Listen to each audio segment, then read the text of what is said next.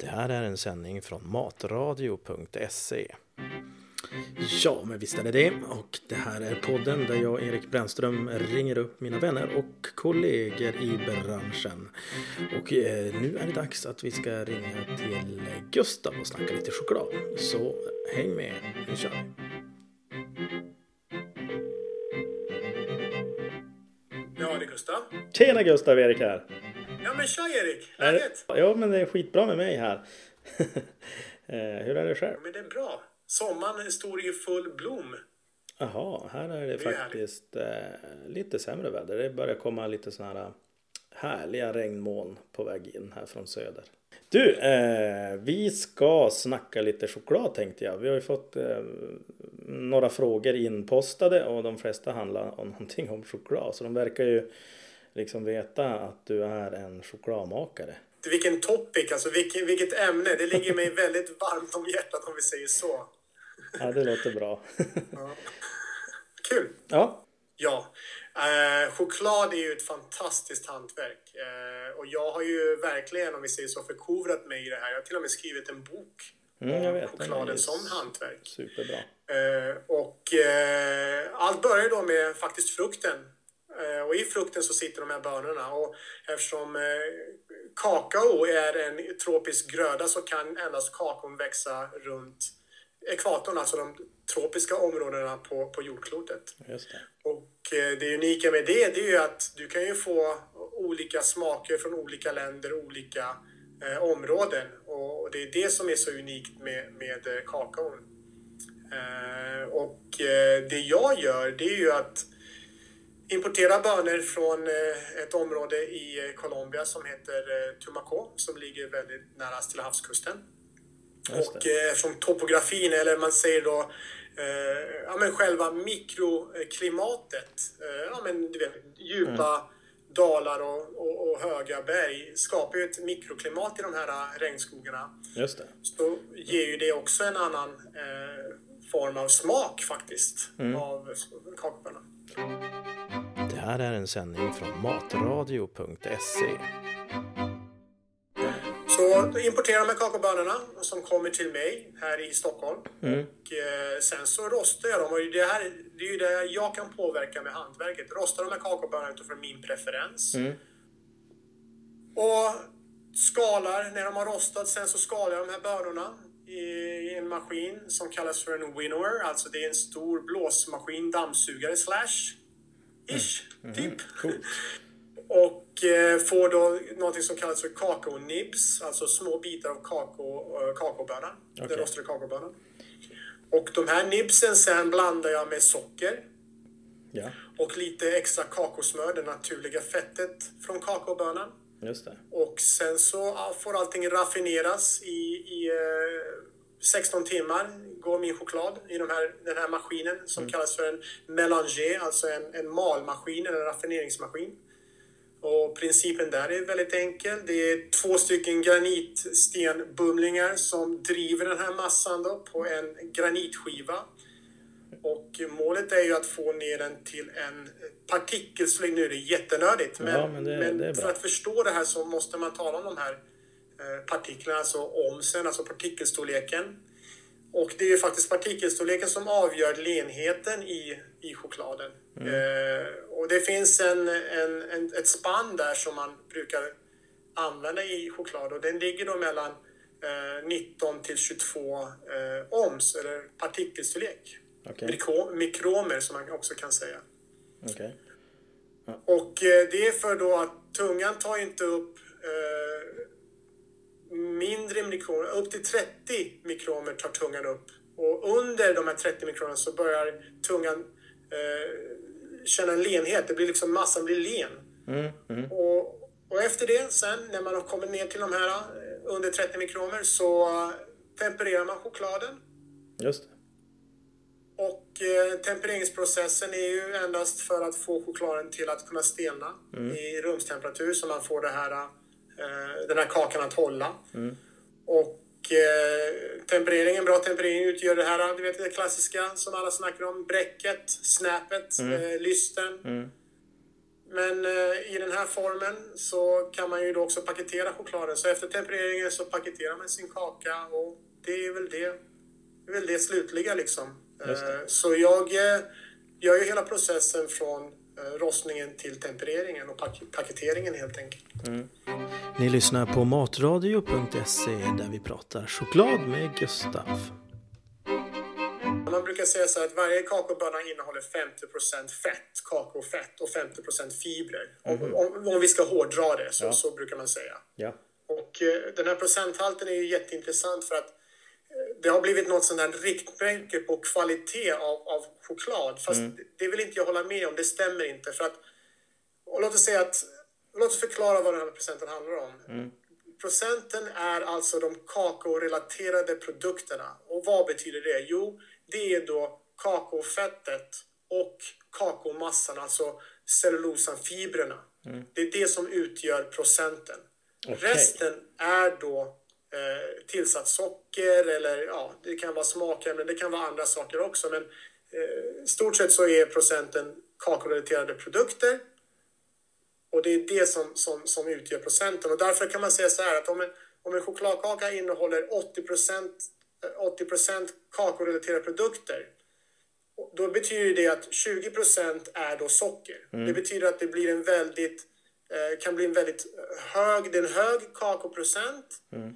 Men det behöver inte betyda att den, den är eh, högkvalitativ choklad.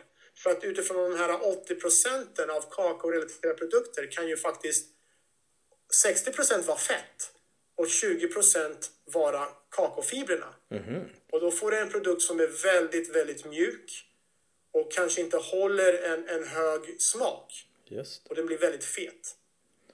Och då lämpar sig en sån här choklad till exempel till att eh, doppa med. Istället för att bara äta som en, som en, en eh, högkvalitativ chokladkaka.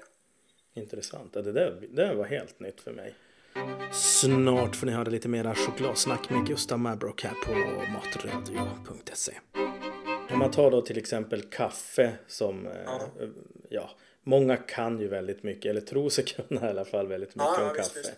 Och så då snackar man liksom så här eh, kvalitet, om man tar till exempel, alla säger ju man ska eh, köpa bönor där det, som, heter, som heter arabica. Ja. Eh, för det är väldigt högkvalitativ kaffe. Är det samma sak med, med choklad? Att det finns liksom det här är den bästa bönan eller det här är liksom det märke man går efter.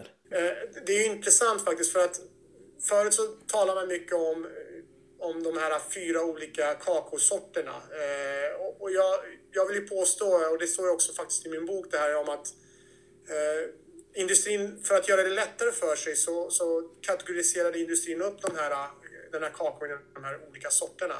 Eh, och för att förstå då, för att kunna kategorisera vilken kvalitet är bäst. Och jag vill ju säga att det handlar faktiskt, visst ska råvaran vara bra, det är ju inte det som är saken, men, men vi får inte snöa in oss på på vilken bön, böna, bönsort det är. Eh, till exempel som vin har, man brukar säga att Pinot Noir-druvan är en Rolls Royce eh, eh, druva. Att den är svår att odla men den har väldigt mycket smak och arom och allt det där. Men, men jag vill ju påstå att det beror ju på hantverkaren. Va? Eh, och, och då talar man mycket om eh, Criollo-bönan som, var då, som är då som den här Rolls Royce-bönan. Eh, den har jättemycket karaktär, bra smak och sånt och den är väldigt svår att, att, att eh, odla och liksom se över. Och sen så har vi då... Vilken del, ursäkta, vilken del av, av, vilken del av världen odlas den? Är det liksom ett land eller är, finns den utspridd över hela liksom världen? Ja, just nu så är den utspridd över hela världen. Nu talar vi om ekvatorn, alltså vi talar Okej, om de. Kakaoproducerande länderna så finns den väl eh, finns den överland, överland. Men den, ursprungligen så kommer den från Sydamerika. Just det. Men vilka är de, de största länderna så att säga bara om vi får bara tvärfrika in det? Ja, men som odlar kakao i världen. Ja, Ja, då är det ju Elfenbenskusten står ju för nästan, eh, skulle vilja påstå 70-80 procent av kakaoproduktionen i världen. Och det är ju, Elfenbenskusten är ju ett litet, litet land. Eh, och sen så har du, sen så har du eh, Kongo, eh, sen så har du eh, ja, Brasilien är ett stort land också, men Elfenbenskusten är det som har störst. Men Elfenbenskusten odlar någonting som vi kallar för bulkkakao, alltså den, den, den kakao som är väldigt enkel att kultivera och, och få större omsättning på. Det här är en sändning från matradio.se. Trinitarion är ju eh, den här ursprungs... Eh, Creolen och Trinitarion ursprungskakaon Eh, och Forasteron är ju då korsningen mellan Trinitarion och, och Criollo som då kultiverades i Afrika och då Elfenbenskusten är en väldigt stor producent av eh, den här Forasteron bulkkakaon. Eh, och det är ju då den kakaon som används mest, alltså det är den som ja, men, säljs på stora börser. Mm. Och, och, den kakaon som jag jobbar med, eh, det är ju då en korsning mellan eh, hybrider, om vi säger så, hybrider mellan, från criollo-bönan och trinitariobönan utifrån ett område i Colombia eh, som heter Tomaco, som jag förklarat tidigare. Mm. Och det man brukar säga om, om de här länderna som Colombia, eh, Peru, eh, Brasilien, Venezuela. Eh, man brukar säga att de odlar någonting som kallas för fine flavor cocoa, alltså det de här bean to bar-tillverkarna använder. Mm, okay. vi, använder ju, vi försöker ju liksom hitta de här unika kakaosorterna och jobba med, med, med bönder som, som kultiverar små eh, eh, skördar så att säga. Just det. Och, och då, den här Fine Flavor Cocoa har ju då nu börjat spridas mer och mer så att nu kan du hitta Fine Flavor Cocoa, ja, med Trinitario och, och Criollo hybrider till exempel i Filippinerna eller Indonesien eller, eller Vietnam. Mm. Så att de här länderna som ligger innanför de här breddgraderna som utgör ekvatorn, 20 och 40 breddgraden, de börjar nu satsa mera på att göra eh, finare kakao, om vi säger så. Just det. Men det har, det har ju precis påbörjats. Det är kanske ja, 10-15 år som man, som man har jobbat med det. Och eh, fortfarande är ju bulkkakaon den stora Eh, den stora industrin. Liksom. Mm, mm. Jag förstår. Men, men det, som för dig då till exempel i, i när du gör dina bars, då mm. köper du in Alltså, alltså, får man prova? För jag, tänk, jag kan tänka mig att alltså, skördar för skördar är olika. Eh, ja. Och jag tänker att man får, testar man då eller har man någon så här dialog med, med eh, odlarna eller hur funkar ja. det där? Ja, jag förstår. Ja, din fråga är jättebra för att det där är också sån en sak som, som vi bin bar-tillverkare försöker jobba mycket med mot, mot ja, men konsumenten. Varför kostar en chokladkaka 75 spänn? Det är mm. helt galet när mm. du kan köpa en, en industrikaka för 7 kronor. ja, precis. Och, och, och det, det, är väl inget fel med det. Jag, vill inte, jag ska inte sticka ut eller liksom hänga, hänga någon här. Det, det har ingenting med det saken, saken att göra. Men men det jag vill säga dock det är att vi som är, och det har jag sagt och det står jag för också, det är vi som, som är i hantverket, vi, vi måste ju lära oss att kommunicera liksom, mm. och få konsumenten att förstå kvaliteten mm. och hantverket bakom. Mm. Ja, och, och, och, när det är din fråga utifrån att, och det börjar då med att man har en dialog. Nu är det så att jag köper någonting, jag köper mina bördor utifrån något som kallas direct trade.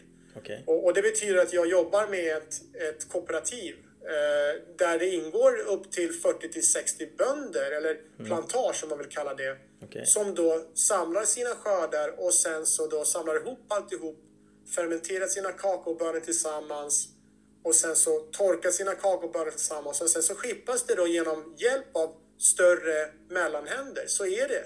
För att det man glömmer bort mycket, jag, kan, jag köper inte tonvis av kakao, jag kanske köper 250 kilo om året. Mm.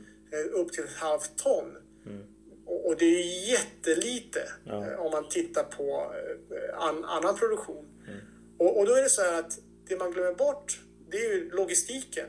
Det är svårt att... att det, det finns inga vägar i, i, i djungeln. Det är ingen som har as, asfalt, du vet. Det, det är fortfarande eh, snåriga områden och därför hjälper de här kooperativen, de här bönderna, att kunna få Eh, sin kakao eh, mm. såld så att säga. Just det. Ni lyssnar på matradio.se och Gustav. Vi pratar choklad. Mm.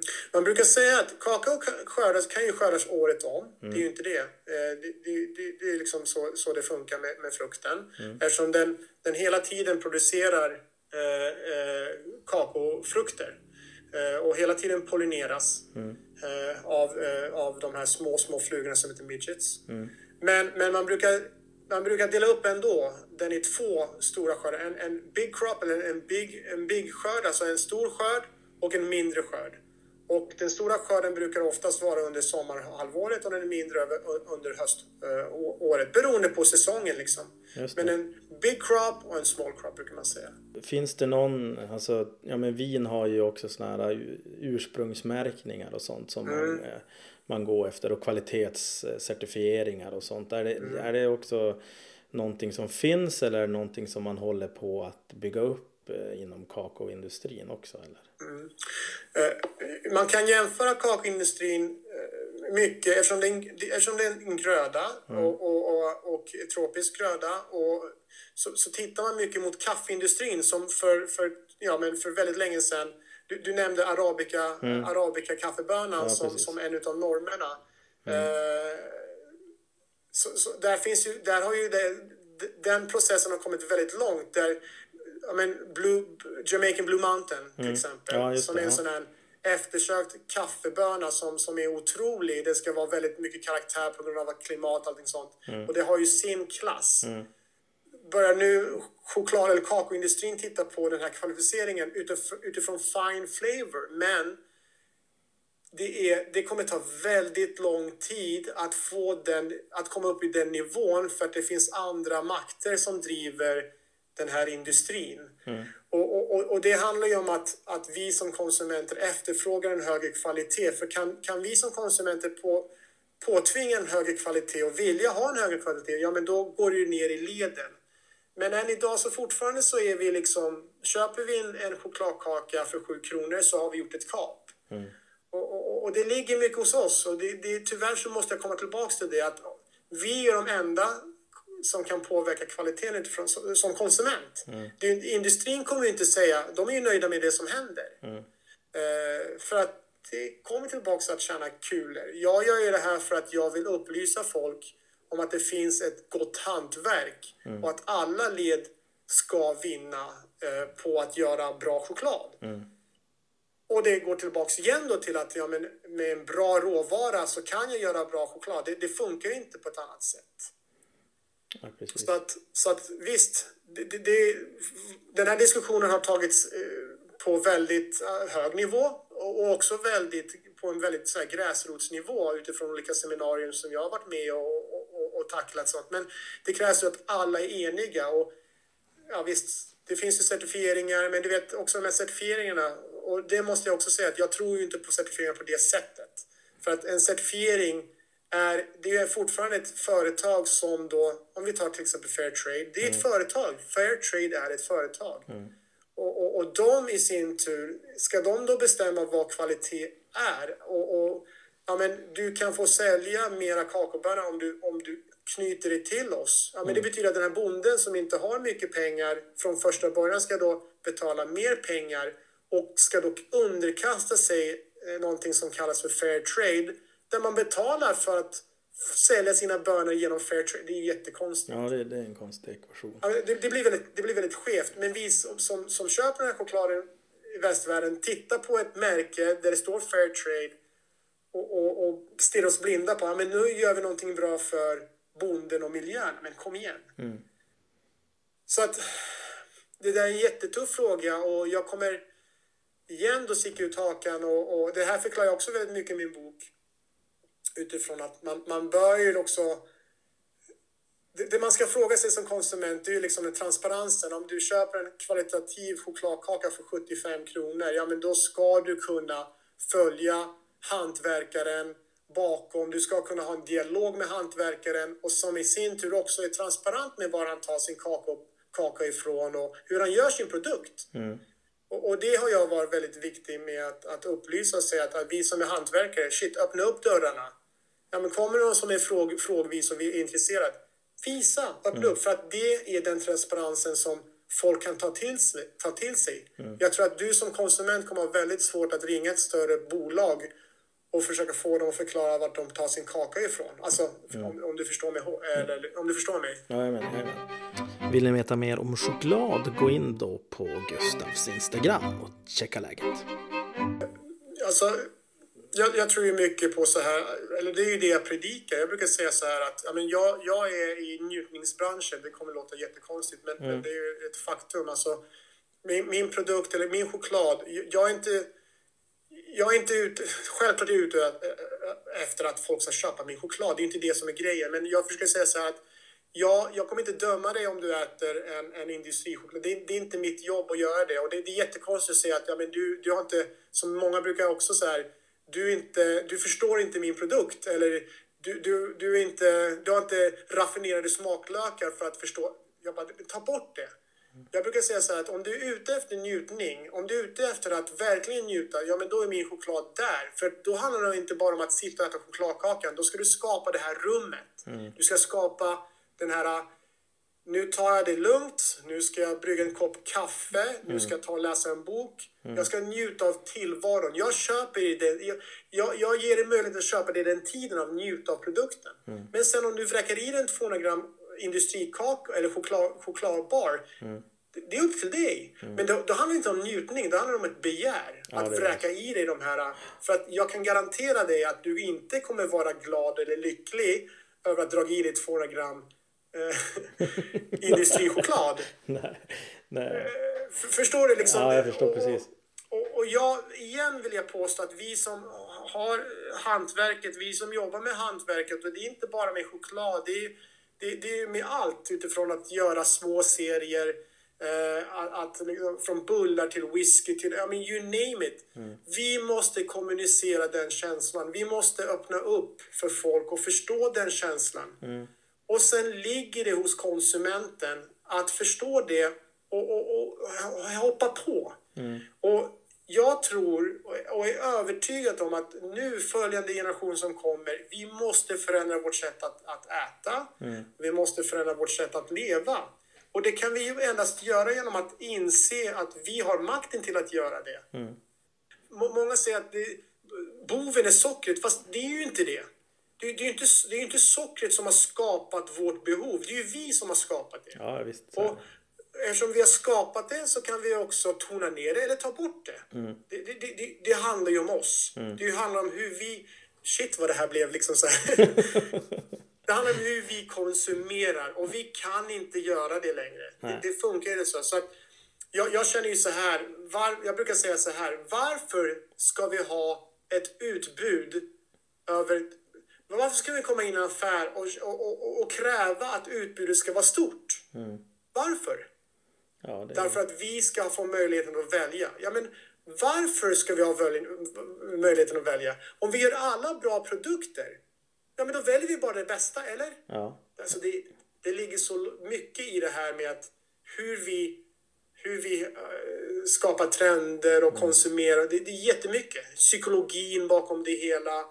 Jätte, jättemycket. Företagskulturen. Allt, det är så mycket som, som påverkar det så, så, som vi är. Ja. Så att, att, att jag då får jobba med eh, en produkt som choklad och, och försöka predika, eller predika om det här och skriva bok och, och influera och inspirera, det är ju en ynnest. Mm. Men det kommer ta väldigt lång tid innan den chokladen jag gör eller mina, eh, mina eh, kompanjoner, eller kompanjoner, mina kollegor i branschen. Eh, hantverkskollegor mm. gör innan det blir en medeltagig produkt som alla kommer att äta. Mm. Det vet jag.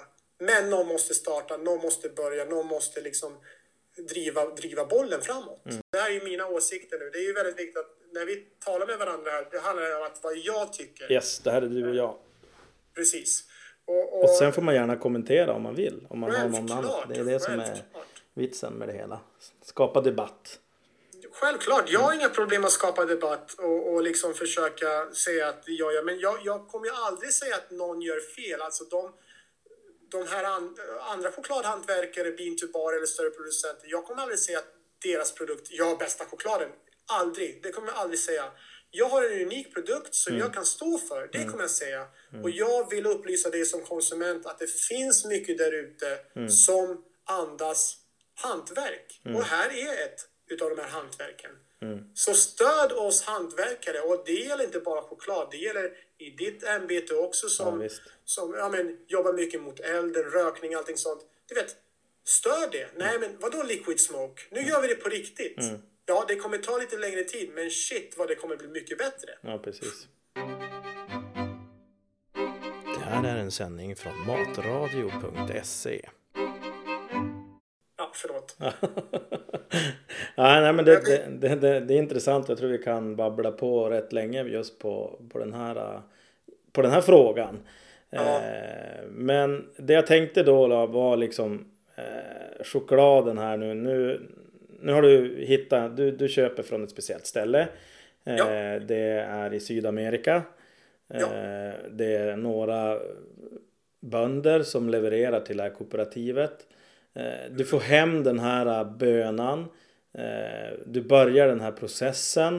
Eh, När du börjar den här processen då, då testar du kvaliteten och sen eh, har du något så här, jag menar om man, tar man nu då en industritillverkning så, så följer man vissa recept. Alltså, Mm. Eh, Är det, gör man det också när man, när man gör eh, när man gör det i småskalighet eller, Mm. eller mm, ja, men kör man lite grann man känner ja men den här nu smakar den så, ja nu måste jag ha lite mer av det här i socker eller nu måste jag ha liksom Jag har ett recept. Jag Ja. har ett recept för min 72-procentiga choklad då, som Mm. jag alltid använder. Men, men skillnaden dock, det- och det var vi inne på lite i början här, där med att eh, skillnaden mellan, mellan hantverk, eller du var inne på det, hantverk och industri Mm. är ju då att industrin är ju intresserad av att göra en produkt som alltid smakar likadant. Ja, precis. 365 dagar om Exakt. året.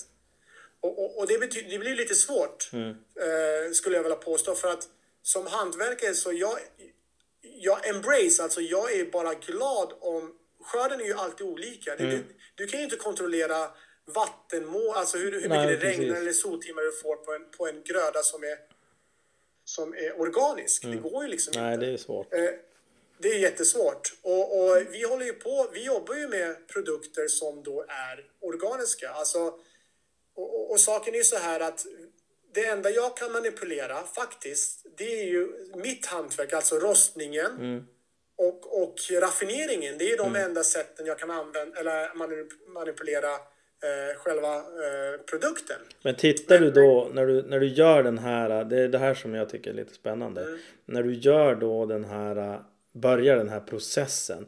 Tittar du då på bönan, alltså eh, Ja men ta nu när jag ska laga en köttbit till exempel. Mm. Så tittar jag ju på köttet och så ser jag ju men den här är marmorerad på det här sättet och, och si och så. Och då, då måste jag göra så här för att lyckas med det här köttet. Tittar man också på bönan på det sättet liksom. Ja, nu ser den ut så här, nu måste jag göra så här. Precis, jag brukar göra så här att när jag får en ny batch av, av kakaobönor så brukar jag alltid rosta dem utifrån min preferens. Och, och, och göra en smakprofil och då gör jag det på 100% alltså bara på likören. Jag tar min rostade böna, jag maler dem och tills de kommer ner under, under 20 mikromer och sen så gör jag en smakreferens och så, så känner jag om det är samma nyans som jag haft tidigare. Just det. Den kommer att diffa. Det kommer att göra eftersom Ja, det det är en ny skörd eller en ny, en ny skörd av bönor så att säga.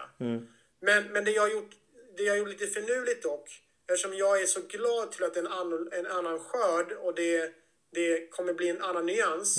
Så, bruk, så har jag skrivit på min baksida på mitt paket där det står liksom att ja, men det här är ju en organisk gröda man inte kan kontrollera hundraprocentigt. Men eftersom det är från samma område och eftersom det är en blandning av de här hybridbönorna så kommer ju den ändå ha basen i samma smak. Är du med? Mm, jag med. Jag med. Men den kan vara lite fruktigare en gång, den kan vara lite chokladigare en annan gång. Och, och där kommer ju mitt hantverk in där. Ja, men jag vet om jag rostar bönorna längre så kommer jag få den till att bli lite mer chokladig. Eller om jag konchar den eller raffinerar den en timme mer så kommer mera nyans och på så sätt försöka lägga mig så nära den här bassmaken som finns. Men visst, jag kollar också. Det är inte bara hej blint och kör in och sen så håller cross your fingers och liksom så är allting liksom hunky dory. Nej. Nej men det, det, alltså jag tycker att det här, det, det, här, det här är hantverk och det här är jättespännande och det här man måste få ut och det här vi måste förstå som konsument när vi plockar den här baren på eh, livsmedelsbutiken eller speceributiken eller vad det nu är. Mm. Eh, superviktigt och jätteintressant. Vi snackar alltså choklad med Gustav Wärbrok här på matradio.se. Eh, men okej, okay, men nu har vi då eh, gjort våran bar. Och mm. då snackar vi lite procent här som eh, tycker jag är intressant också. Här. Du, vad, vad är det för skillnad på 70 och 72? Nej men man brukar, när jag började laborera och, starta min resa med det här med Bean to Bar så, så märkte jag att alla, alla producenter hade en, en 70-72% i choklad, mm. mörk. Och, och när, det var någon sån stand, standardisering av att alla hade en sån produkt och, och, att det var det medeltaget vad man ville ha. Liksom att det var en bra nyans, det var bra eh, nivå på socker, det var bra nivå på kakaobönor eh, och sånt. Så att, eh, det var det jag ville lägga mig på. Så det blev min första liksom, eh, chokladkaka. Det, det, var en enkel produkt som alla skulle kunna fatta. Den är inte för bitter, den Nej. är inte för mjäkig. Liksom. Den Nej. är bra. Mm. Men sen så gör jag, gör jag också, jag gör bara två chokladsorter. Jag gör min 72-procentiga och sen så gör jag en 42-procentig, alltså en mörk mjölkchoklad. Mm. Mm. Och, och, när man gör en mjölkchoklad, ja men då tillsätter man ju då eh, eh, lite andra produkter, till exempel som mjölkpulver. Mm. Och mjölkpulver innehåller då ett animaliskt fett, alltså kossan mm. såklart. Mm. Och, och det skapar ju en helt annan eh, mouthfeel, alltså en muns, munkänsla. Alltså det blir ju en, en krämighet som kanske inte det, vegetabil, det vegetabiliska kakaofettet kan ge. Mm. Och, och, en annan fyllnad. Och sen så innehåller den lite mer socker och utifrån den här processen så blir det en, en, en, en karamelliserad not. Mm. Så att mjölkchokladen, vad jag vill, varför jag ville göra mjölkchoklad, det var för att visa att på samma bönor så kan du göra en, en outstanding mjölkchoklad. Mm. Så därför gör jag bara en 72 och en 42. Mm. Jag älskar ju den 42 procentiga. Jag, jag, mm. jag kan ju ta kanske en, en, en ruta 72 till kaffet typ. Mm. Eh, och då är man typ mätt om man så säger. Alltså då har man, mm. fått, då har man fått den här den här chokladbehovet. Eh, däremot en 42 kan man ju typ eh, ja, men sitta och liksom småäta. Vräka i sig. Ja, men jag vill inte säga vräka. Eller ja, vräka. Nej men eh, så, så, så känner jag. Men om man, om man då tar då till exempel nu om man ska gå vidare. Man har den här, man ska laga till någonting. Alltså en dessert eller någonting ja. av det här. Hur ska jag tänka då? Alltså ska jag 72, är det någon speciell Alltså om jag gör en ganache eller en, en pralin, vad, vad använder jag då? Är den här 72, alltså ska man tänka att 72 är matlagnings eller baren? Ja, jag, hör vad du säger. Jättebra frågor för att lite så här är det. Min choklad är, är ju färdig, får, får vi säga så. Den är ju färdig. Den ska ju liksom mm. njutas med, med en, eh, en kopp kaffe eller någon, något, något stärkande i glaset, om vi mm. säger så, utav, mm. utifrån den ädlare sorten. Mm. Som har lagrats på fat väldigt länge. eh, ja, men förstå mig, ja. alltså den är ju färdig att, att bara avnjutas. Men ja. om man vill jobba med, med bar choklad så, så lämpas ju den superbra i själva i bakverk så att säga. Kanske mm. göra en sån härlig fondant, liksom en, mm. en, en, en molten cake där du binder den med lite ägg och lite, eh, lite socker och sen mm. så bakar du av den så har du krämigt innanmäte. För då har du ju Bint chokladen, nyansen där är att den är väldigt fruktig. Den blir fruktig och härlig och då får du den här nyansen av chokladen liksom också. Mm. Och faktiskt har jag gjort nu, de, de senaste, den senaste tiden så har jag försökt hitta eh, vägar till att bara att chokladen som man gör, till exempel om du gör en ganache. Mm. Ganache är ju då en blandning mellan en vätska, eh, mellan vätska och fett. Mm. Eh, för att få den här lenheten. Det är ju en emulsion om vi snackar nördsnack. Mm. Eh, och, och, och den här emulsionen, fettet påverkar ju ändå smaken.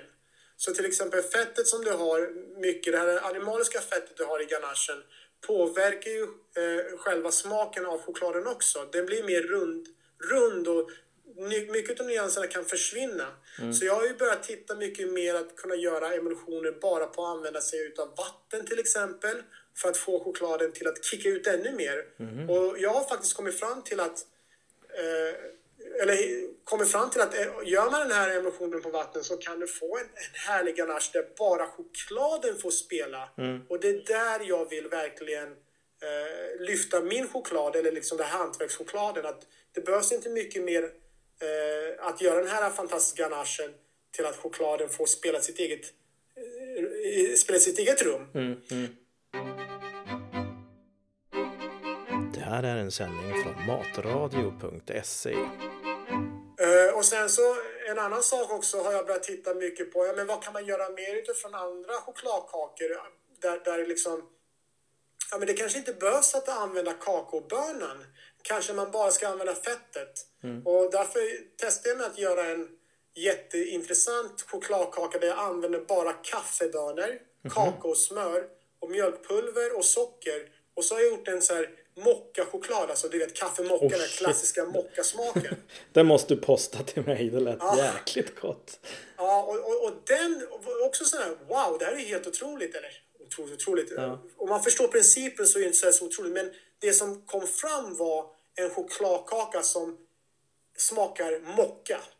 För, för, när jag går in och, och labbar så vill ju jag att den smaken jag är ute efter är ju den smaken ska vara, som ska vara dominant. Du ska inte behöva leta efter, ah, var, nu, ah, nu känner jag hallonen. Ja, mm. men då är inte det intressant. Det ska vara en boost eh, av bara den smaken. Och, och då har jag hittat de här uh, olika uh, genvägarna, men de här olika vägarna till att komma fram till den här smaken. Och nu i nästa steg, det jag vill labba med nu, det är att hitta olika mjölkpulver till exempel. Ja, men tänk att använda en, ett getmjölk, en getmjölk i pulverform Oj. till en chokladkaka och få den här syran. Alltså det, Oj, det, det är oändligt vad man kan Det vore intressant. Ja. Det vore intressant att se hur ja. det ska smaka. Så, så, att, så att... Alltså, ja, att, att, att, jobba med choklad i, i bakning, vad man ska tänka på där. Ja, men jag brukar säga, tänk på vad vill du ha ut?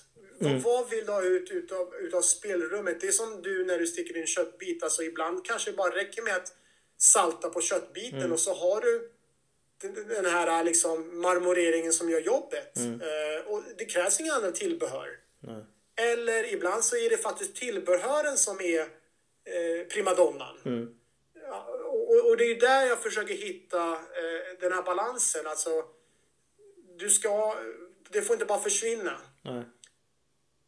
Men... Så, så, tänker jag lite utifrån bakning med, med all choklad. Eh, och ska man jobba med choklad i matlagning, ja, men då ska det ju vara riktig choklad. Mm. Det ska vara en, en, choklad som är gjord på kakaomassa, alltså kakaobönorna, kakosmöret och, och socker. That's it. Det är riktig choklad för mig. Ja. Allt annat som innehåller andra vegetabiliska oljor är inte riktig choklad för mig.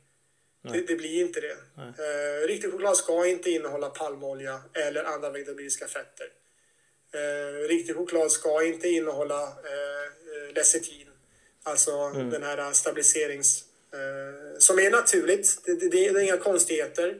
Lecitin har vi i våra egna kroppar. Lecitin finns i äggulan. Alltså mm. lecitin finns naturligt.